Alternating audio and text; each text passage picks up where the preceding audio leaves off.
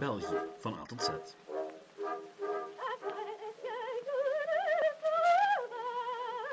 Welkom bij België van A tot Z. Een korte mededeling voor we verder gaan. Geschiedenis van België zit op YouTube. Met beeld en alles erop en eraan. Dus als u wilt weten naar wie u altijd hebt zitten luisteren, ehm, wel, dan kan u mij en mijn scheve Bill uh, kunnen gaan bekijken op YouTube. Er staat een link naar het kanaal en de eerste video in de beschrijving van deze aflevering. Het is een video over een Bjorks. Het is eigenlijk een beetje een hertelling van de aflevering waarom Bjorks ik al gemaakt heb voor deze podcast, maar met beeld. Uh, en ik heb de tekst een klein beetje herschreven. Maar goed, ik heb wel de intentie om nog content te maken op YouTube. En wie weet, als er mensen naar kijken, als er mensen zich abonneren, dan ga ik misschien wel gloednieuwe content maken. En dan ga ik misschien met de camera op stap en dingen filmen en zo. Oké, tot daar de zelfpromotie. Welkom bij Geschiedenis van België. En welkom bij de laatste aflevering gewijd aan letter K. Letter K voor koning. De voorbije twee weken hadden we het immers over het Belgische koningschap. Niet zozeer over de koninklijke familie en alle haar avonturen, maar over de rol van de Belgische koningen in de Belgische politieke geschiedenis. En specifiek hun relatie met de grondwet. Want hoe machtig is, slash was een Belgische koning eigenlijk? Dat en meer in deze aflevering van België van A tot Z.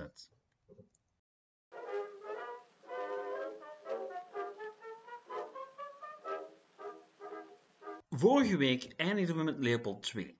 U weet wel, die van Congo. Het Belgisch Koningshuis had onder Leopold II heel wat watertjes doorzwommen. Een veel te jong overleden zoon, rebellerende dochters en twee buitenechtelijke kinderen. Maar daar hebben we het helemaal niet over gehad. Wel over Leopolds relatie met de grondwet. En die was redelijk oké. Leopold nestelde zich in de beperkte rol van de Belgische koning en leek zich vooral bezig te houden met zijn persoonlijke projectje Congo.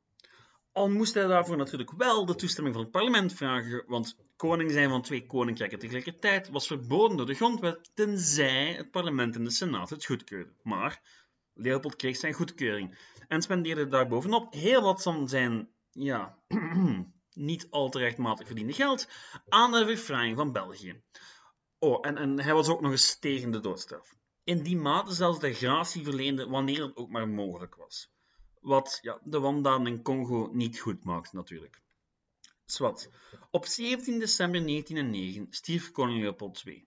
En hij werd opgevolgd door Albert I. En dat mag eigenlijk wel een verrassing heten. Er moesten maar liefst drie anderen overlijden om van Albert I de troonopvolger te maken. Zijn neef, kroonprins Leopold, zijn vader, graaf Philips van Vlaanderen en zijn oudere broer Boudewijn. Maar uiteindelijk, op 23 december 1909, legde Albert I wel degelijk de eet af, zowel in het Frans als in het Nederlands.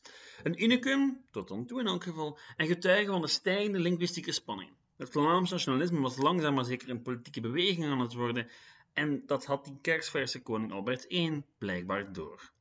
Net zoals hij maar al te goed besefte dat de situatie in Congo nefast was en dat in België zelf de arbeidersbeweging steeds luider sociale hervormingen eiste. Beide kwesties kregen vermelding in zijn toespraak, maar net als zijn oom schikte Albert zich in zijn eerste jaar van zijn regeerperiode echt wel in zijn grondwettelijke rol. En binnen de politieke arena speelden zich in de jaren voor Wereldoorlog 1 al een heleboel conflicten af katholieken tegen liberalen omtrent de scheiding van kerk en staat, de subsidiëring van de scholen en nog veel en veel meer. De socialisten eisten tegelijkertijd met steeds luidere stem de invoering van het algemeen enkelvoudig stemrecht en Vlaamse nationalisten eisten een gelijkstelling van twee landstellen. En de koning hield zich in het begin in elk geval grotendeels buiten die discussies. Dit is even een momentje om even pauze te nemen, um, want ik zou het even graag willen hebben over hoe moeilijk het wel is om te weten wat een koning deed. Het bestaat zoals het uh, colloque singulier. Dat wil zeggen dat de gesprekken die de koning heeft over staatszaken met politici in principe volledig geheim zijn. En um, de meesten houden zich daaraan. En hoewel veel historici achteraf proberen een beeld te maken van hoe belangrijk een koning was, feit is dat we het eigenlijk zelden volledig weten, of, of in elk geval weinig bevestiging van hebben. Er zijn boeken, er zijn brieven en dergelijke, maar voor mij persoonlijk lijkt het er heel veel op dat de meeste Belgische vorsten over het algemeen zich echt wel aan die grondwet hielden. En dus wel invloed hadden, maar enkel als de politici het toelieten, of enkel als die koning ja, echt een aura had. Of als er een grote crisis was. Daarover straks meer. Maar als ik dus bepaalde dingen zeg, en u denkt dat dat niet klopt, wel, dat kan. Um, het is heel moeilijk om te weten wat die vorsten wel en niet wouden en in welke mate dat zij invloed uitoefenen. Ik heb geprobeerd om het uit te vissen, maar geschiedenis is nu eenmaal moeilijk. Het is moeilijk om 100% zeker te zijn van iets. Dus dat even als een, een, een verduidelijkende footnote. Goed, terug naar ons verhaal. Het verhaal van de socialisten, de Vlaamse de liberalen en de katholieken, die over allerlei zaken bikkelden. Nu, al die zaken, al die kwesties, die zouden na de oorlog opnieuw opduiken. Na de oorlog. En daarmee bedoel ik Wereldoorlog 1, want daar gaan we het echt wel over hebben. Hoewel de politieke erfenis van Albert I veel verder gaat dan enkel zijn rol tijdens Wereldoorlog 1, zal dat voor eeuwig en altijd zijn belangrijkste verwezenlijking blijven in de ogen van heel veel mensen. En het is ook in de aanloop naar Wereldoorlog 1 dat Albert zich begint te profileren als een politieke kracht.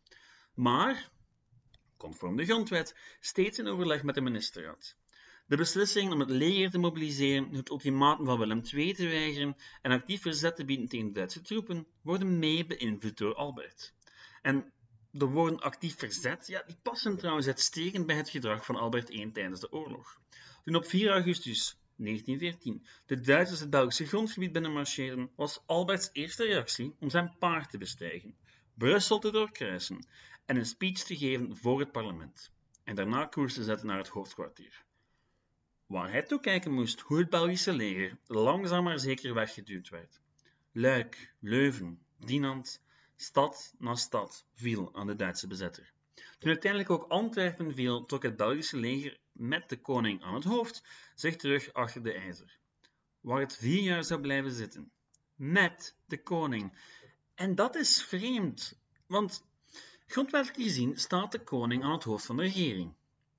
En die katholieke regering, wel, um, die bevond zich tijdens de gehele oorlog op meer dan 300 kilometer van de koning, in Normandië. En dit, liefste luisteraar, is het begin van een periode waarbinnen Albert I strikt gezien wat binnen de grondwet opereerde, maar zij het vooral met er niets in stond over het soort situaties waarin koning en regering in verzeild waren geraakt. Nu, er stonden wel een paar dingen in die grondwet, maar die stonden ter discussie. Of waren, in elk geval volgens de koning, open voor interpretatie. Een voorbeeldje. Artikel 67 van de grondwet. De koning beveelt de krachten van land en zee verklaart de oorlog, maakt verdragen van de vrede, bondgenootschap en handel. Wel, Albert vond dat persoonlijk redelijk duidelijk en ging dan ook vanuit dat hij als opperbevelhebber van het Belgische leger alle dergelijke beslissingen nemen kon onder eigen verantwoordelijkheid. Wat wil zeggen, zonder handtekening van de bevoegde minister. Iets wat die minister in kwestie, minister van Oorlog Charles de Broekville, ja, die kon daar niet mee lachen. En wat hem betreft gold het principe van ministeriële verantwoordelijkheid altijd. Dus ook in het geval van artikel 67. Nu, uiteindelijk kwam men tot een Belgisch compromis, waarbij de koning de beslissingen nam, maar de Broekville wel raadpleegde. Dus ja, men streefde een soort van consensuspolitiek na.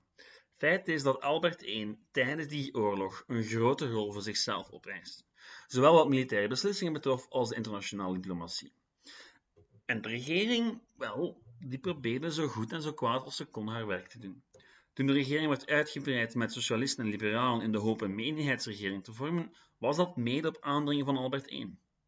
En zo werd die koning, dat symbool, de man die bij zijn troepen bleef, die aan de ijzer stond, ja, zo werd die koning het symbool van de strijdende België. Veel meer dan de regering die ver achter de linies zat natuurlijk. Het verbaast dan ook niet dat ontevreden Vlaamse soldaten in 1917 hun klachten aan die koning richtten. En hun voornaamste klacht was dat het Belgische leger strikt Franstalig was. Met natuurlijk alle gevolgen van dien, want ja, een Franstalig officierkorps en Nederlandstalige soldaten, dat is gewoon een hele slechte situatie op een slagveld.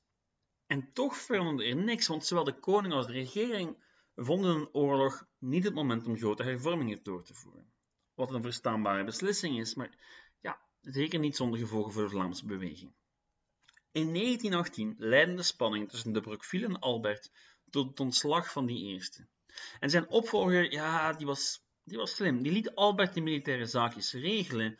En dus werd de grondwet tijdelijk in het voordeel van Albert I geïnterpreteerd. En dat is het dingetje met de grondwet en de Belgische koning, maar ook gewoon de Belgische grondwet in het algemeen. Die lijkt steeds vast te staan. Die lijkt in steen gebeiteld te zijn. Maar feit is dat in extreme omstandigheden de kwestie van de interpretatie van de grondwet, ja, die is redelijk open. Nu is het normaal dat de grondwet geïnterpreteerd wordt. Daarvoor hebben we een Hof van Assisen. Maar uh, ja, het Hof van Assisen zat niet in die periode. Want men zat niet meer met een bezet land. Dus het was een heel kluwen. En dan zie je dat inderdaad opnieuw die koning veel meer te zeggen heeft dan hij normaal gezien zou hebben tijdens vredestijd. Niet dat de beslissingen van Albert I in deze periode zo idioot waren. Tot 1918 weigerde hij immers om deel te nemen aan de haast suïcidale geallieerde offensieven van de Somme, Verdun en Passendaal. En pas toen hij zeker was dat Tij zich eindelijk tegen de Duitsers aan het keren was, keerde hij ook zijn kar. En dat, liefste luisteraars, is één van de redenen waarom proportioneel gezien het aantal Belgische legerslachtoffers veel lager ligt dan bij bijvoorbeeld de Fransen. Het gaat over 1 op 50 soldaten die omkwamen voor de Belgen, tegenover 1 op 6 voor de Fransen. En feit is dat ja, de koning dan ook heel sterk uit die oorlog kwam. In de ogen van zijn onderdaan was hij een held. En tijdens de oorlog had hij meer dan ooit tevoren zijn stempel op beleid kunnen duwen. De vraag was dan ook of in 1918, bij een terugkeer naar de normaliteit, of de koning dan ook een stap terug zou zetten. Al waren er eerlijk gezegd nog wel meer vragen voor België dat ja, probeerde zich te herstellen. Tijdens de oorlog was de overgrote meerderheid van de bevolking trouw gebleven. Liberalen, katholieken, socialisten, flaminganten, al die fracties hadden zich quasi unaniem achter België geschaard en hun onderlinge vetes aan de kant gezet. Maar in 1918 was de oorlog voorbij en moest er iets gebeuren om die eenheid te behouden in vredestijd. En dat gebeurde ook. In Loppen. Het kasteel van Loppen, om precies te zijn. Albert I had er onderdak gevonden en ontvingen ze wat de gehele politieke elite om een nieuwe regering in elkaar te steken.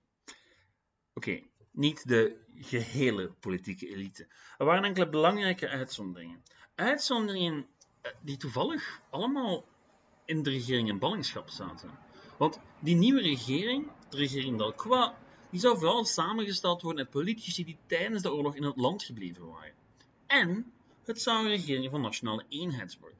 Eentje die een heleboel hervormingen zou doorvoeren. Zoveel hervormingen zelfs dat conservatief België het over de koep of staatsgreep van Loppen zou hebben. Om te beginnen zagen we het, enkelvoudig, het algemeen enkelvoudig kiesrecht komen. Eh, voor, man weliswaar.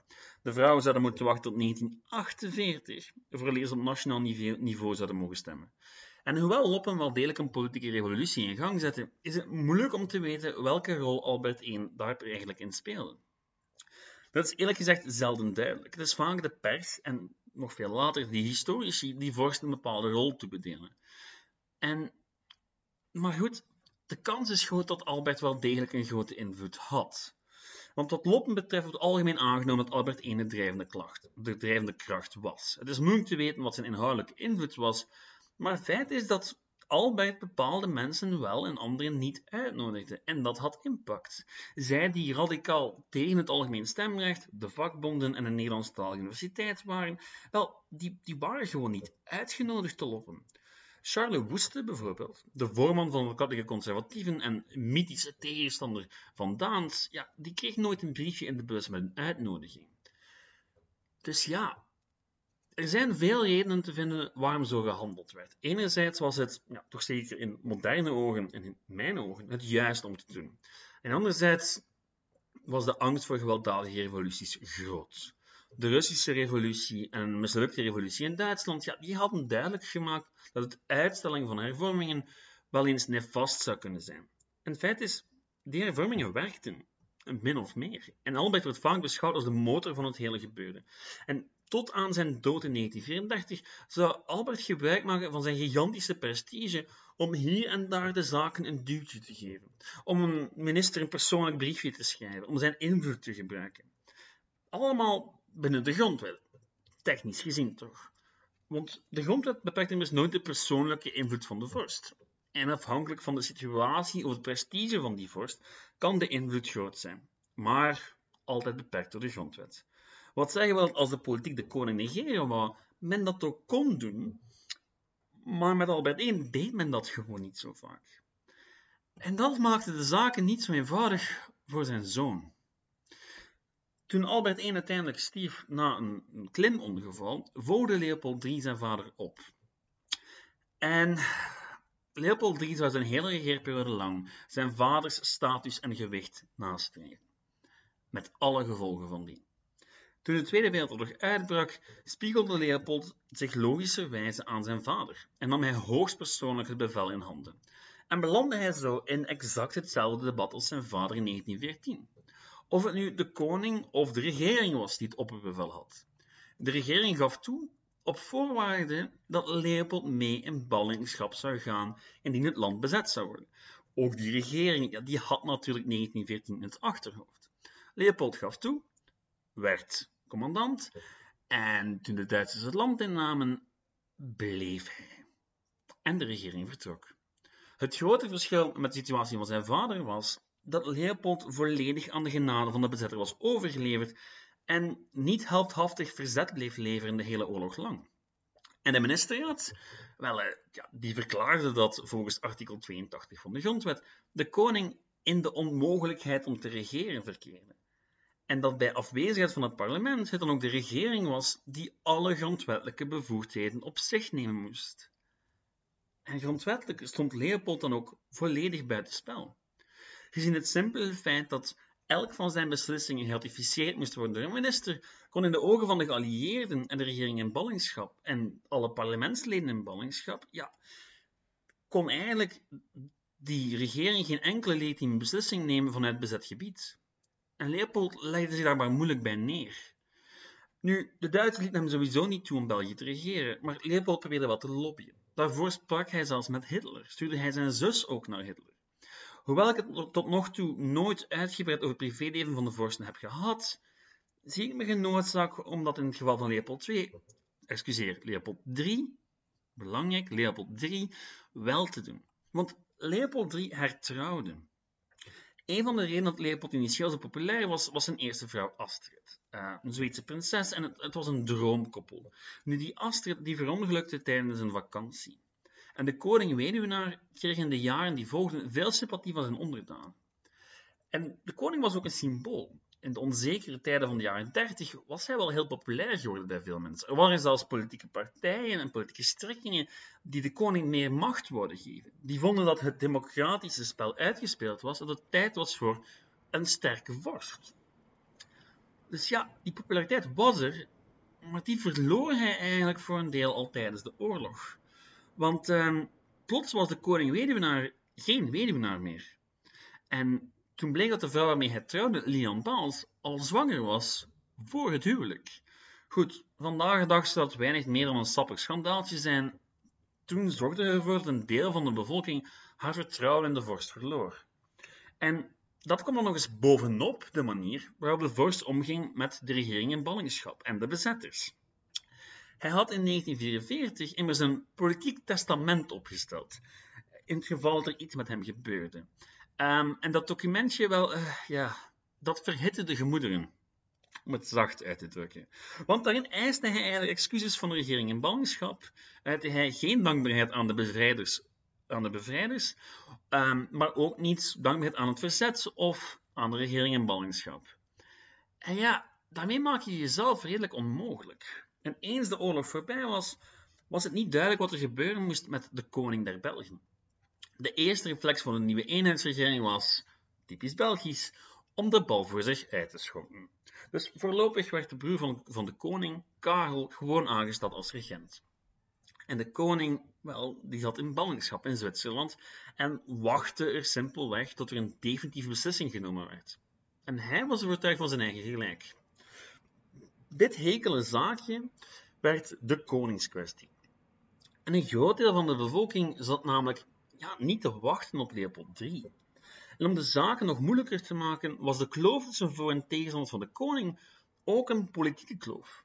Ruwweg tussen links en rechts en eigenlijk ook gewoon ruwweg tussen Vlaanderen en Wallonië. of Franstaligen en Nederlandstaligen.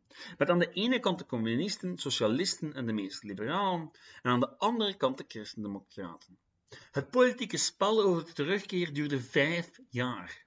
Maar uiteindelijk wisten de christendemocraten een volksraadpleging te bekomen, die voor eens en altijd uitsluitsel moest geven over het lot van Leopold III. Het vreemde aan de hele zaak is dat het Belgisch staatsbestel in de tussentijd wel bleef functioneren en dat de grondwet dat ook gewoon toeliet. Zolang parlement en senaat de koning als in de onmogelijkheid te regeren beschouwen, was er niks aan de hand. Maar goed, de publieke druk was te groot om de kwestie te blijven negeren. En dus werd op 12 maart 1950 volgende vraag aan de Belgische bevolking gesteld in een volksraadpleging. Zijt u de mening toegedaan dat koning Leopold III de uitoefening van zijn grondwettelijke machten zou hernemen? Een volksraadpleging omdat referenda nu eenmaal niet voorzien waren in de grondwet. En de uitslag, ja, die toonde de politieke verdeeldheid van het land duidelijk aan. 58% voor, 42% tegen. Maar ja, regionaal was de verdeeldheid nog veel groter. Ruw genomen was Vlaanderen voor, Wallonië tegen en ja, Brussel 50-50. Of wat had u gedacht? Maar de koning mocht dus wel degelijk terugkomen, ook van parlement en senaat, waar de christendemocraten uiteindelijk een absolute meerderheid hadden. En dus kwam de koning terug op 22 juli 1950, om niet veel later zijn troon af te staan. Oh ja. Klinkt raar, maar eigenlijk heel logisch als je weet wat er gebeurde vanaf het moment dat de koning voet zette op Belgische bodem. Volkswoede. En de situatie bleek onhoudbaar. De ene staking na de andere brak uit en de politieke gezaghebbers van de drie grote politieke families, de socialisten, de liberalen en de christendemocraten, ja, die vreesden de chaos. Die vreesden erger. En dat is niet abnormaal, want we zaten net als vlak na Wereldoorlog 1 in een onstabiele situatie in Europa. Op heel veel plekken deed extreem links het goed. En de vrees was dat men wel eens een, ja, gewelddadige revolutie zou kunnen uitlokken. Dus uiteindelijk praatte men met de koning en overtuigde men hem om de jonge kroonprins Boudewijn op de troon te zetten. En die 20-jarige snaak legde op 11 augustus 1950 de grondwettelijke eed af en zou één jaar later, als hij 21 was, de toenmalige leeftijd van meerderjarigheid, zou hij koning worden. En hier, liefste luisteraar, hier ga ik het bij laten. Ik zou natuurlijk nog verder kunnen gaan met het wedervaren van koning Boudewijn en zijn hele zijn strijd rond abortus en dergelijke meer, maar goed, er zijn heel veel zaken die ik niet aangehaald heb, waarvoor mijn oprechte excuses, maar ik heb zo het gevoel dat deze aflevering al lang genoeg zijn. Wat ik wou aantonen in deze korte reeks over de koningen, was dat elke koning zowat zijn eigen relatie had met de grondwet, die bepaalde wat hij wel en niet doen mocht. En dat die grondwet best goed werkte in normale omstandigheden, maar ter discussie kwam in tijden van oorlog of politieke instabiliteit. En dat een koning dat wel in staat is om zich een pak meer macht toe te eigenen, zij het op subtiele wijze. En dat hij anders altijd tegen de grenzen van de grondwet oplopen zal. Er is nog veel meer te vertellen over het onderwerp, maar voorlopig laten we de Belgische koningen achter bij de letter K. Volgende week gaan we verder met de letter L. En dat is L voor, hoe kan het ook anders, in het, in het jubileumjaar, daar bleef ik even steken, de letter L voor het lam gods. Dat is voor volgende week. Liken kan op Facebook. Dat wordt zoals altijd heel erg geapprecieerd. Net als liken en recensies schrijven op iTunes. Als je zet er meer video's over de geschiedenis van België, dan vooral over nieuwe onderwerpen, dan kan je abonneren op YouTube. Suggesties zijn altijd welkom via de mail, geschiedenisvan.outlook.be um, en op Facebook natuurlijk. Bedankt voor het luisteren en tot volgende week. Ciao!